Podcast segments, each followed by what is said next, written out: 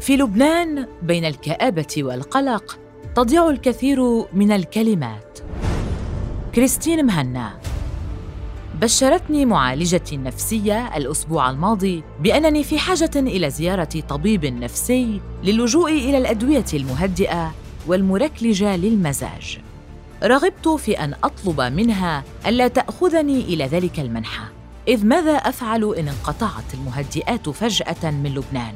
ربما سأشعر بتحسن بعد تناولها بانتظام، لكن كيف أحمي نفسي الهادئة حينها من موجة الكآبة الجماعية التي نعيشها؟ ليش أصلا اللي عم بيصير أحسن؟ تشاورت مع نفسي كثيرا قبل مشاركة هذه الجملة مع الآخرين. لكنني لطالما أردت عد الاضطرابات النفسية والجسدية بالأهمية نفسها. فمثلما نشارك الجيران والأقارب والمحبين في أننا في حالة مرضية جسدية سأشاركهم في أنني في حالة نفسية سيئة. ليش لا؟ لست وحيدة. لماذا لا نشارك ذلك في العلن؟ فيما نعلم أن كل فرد في لبنان يعاني اليوم من اضطرابات نفسية. أكتب ما يستطيع عقلي إدماجه الليلة في أحد بارات بيروت. وحدي. وسط حشد كبير والكثير من الضجة. عرض علي بعض الأصدقاء أن أمضي الليلة معهم لكنني فضلت الاحتماء خلف اكتئابي مجددا. فلا أستطيع الجلوس مع الأصدقاء أو وحدي في غرفتي. ربما الشعور بالضجة من حولي بالرغم من الوحدة يساعدني. فأعلم أنني لست وحيدة وأني لست مرغمة على التفسير في الوقت نفسه. ربما أعلم أيضا أن الجميع يشبهونني. فكلنا نختنق ونسهر ونمضي أوقاتا بائسة مغلفة بصور سعيدة وكاسات فارغة وموسيقى صاخبة. أخاف من أن أنشر هذا المقال.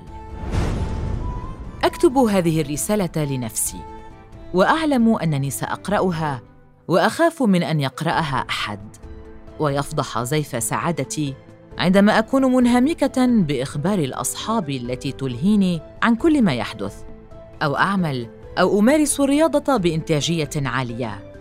إلى أن يعود بنا الحديث بالغلط إلى الواقع الحالة البائسة التي نتشاركها.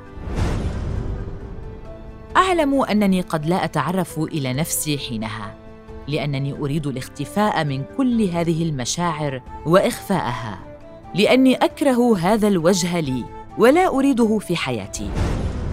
أكره نفسي في هذه الحالة المضطربة وأكره أنني لا أستطيع أن أحب أو أكتب أو أخترع أو أغني فيما تقتلني الرغبة في ذلك كله.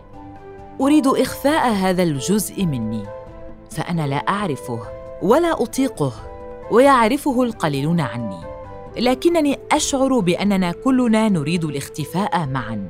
وكأننا ننتظر شيئا سحريا ليخرجنا فجأة من هذه الدوامة السوداء حرفيا وينقذنا. أعجز وأحتفل بالانتصارات الصغيرة. أفكر في تغيير منزلي أو عملي أو بلدي. أفكر في هذا البلد الذي يخوننا يوميا ويسرق منا القدرة على اكتشاف النفس أو التعرف إليها أو تطويرها. صديقتي حزينة مثلي وصديقي الآخر حزين أيضا لكنه يعيش في دوامة من الإنكار وكأن شيئا لم يكن. أعلم أنني لست مجبرة على تفسير أهمية الصحة النفسية للجميع لكنها كل ما أراه. اعذروني فأنا عاجزة عاجزة عن الرد على الهاتف. أو تفسير حواجز عقلي للشاب المعجب والمضطرب مثلي. أعجز عن تفكيك أفكاري أو ربطها أو إمضاء ليلة مع الأصدقاء والاستماع إلى أحاديثهم أو مشاركة ما أشعر به. أعجز عن العمل فيما أقوم به على أكمل وجه. أستغرب قدرتي على التحمل وأحتفل بها وحدي مع كل نجاح سخيف وكل استفاقة من النوم أو مقال أكتبه. أو لحظة سعادة أناضل للتمسك بها. الناجون بالذنب فلينجو من يستطيع. تشك معالجتي في تشخيص معين فأرتاح قليلا وأشعر بأنه تشخيص منطقي. يفسر قدرتي العالية على الإنتاج بالرغم من كل ما أشعر به ويخفف ثقل عدم اليقين. أعلم أنني سأتعايش مع الوضع مهما كان سيئا. مثل العادة. لكن بلدي سيضرب كل جهدي بعرض الحائط متى شاء. فيحزن أصدقائي ويساهم في إبعاد القريب ويلهي والدتي ويصعب المسار علينا جميعا. ربما من الأفضل أن أنسى الآخرين للحظة. وأنهمك في تشخيص وانهياري وحدي أي عدم القدرة على التحرك أو توقع الكثير من نفسي فيما نغرق في هذه الدوامة. ربما علي أن أتجاهل الشعور بالذنب تجاه كل من يجلس بالقرب مني في البار غير مكترثة لمأساته المشابهة لمأساتي. يقول جبران خليل جبران بين منطوق لم يقصد ومقصود لم ينطق تضيع الكثير من المحبة فأقول له وللمحبين والمحبات عذرا على تصحيح المقولة بحسب منظاري البائس. فبين الكآبة والقلق تضيع الكثير من الكلمات. تضيع من الكلمات فيما نحاول تفكيك ما نشعر به ويشعر به الآخرون.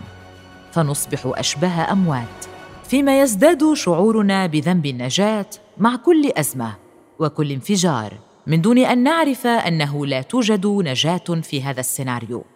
فلينجو من يستطيع. المواجهة. مقاومة من نوع آخر. لم أشأ أن أشارك كل هذا مع أحد سابقا. فتمرست منذ الصغر على إخفاء مشكلاتي وهواجسي الحقيقية عن الآخرين. لطالما اخترت أن ألجأ إلى المقاومة والمحاولة مجددا. لكنني اليوم وعلى الرغم من تكدس مسودات الكتابة غير المكتملة على حاسوبي أكتب وأختار أن أشارك هزيمتي.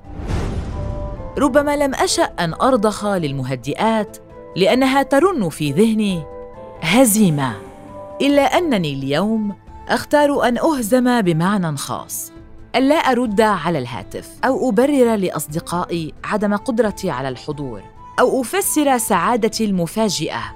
أختار أن أجرب المهدئات من دون الشعور بالذنب. اختار المواجهة الحقيقية عوضا عن المقاومة والمرونة لأضيف ذلك إلى قائمة انتصاراتي الصغيرة. النجاة.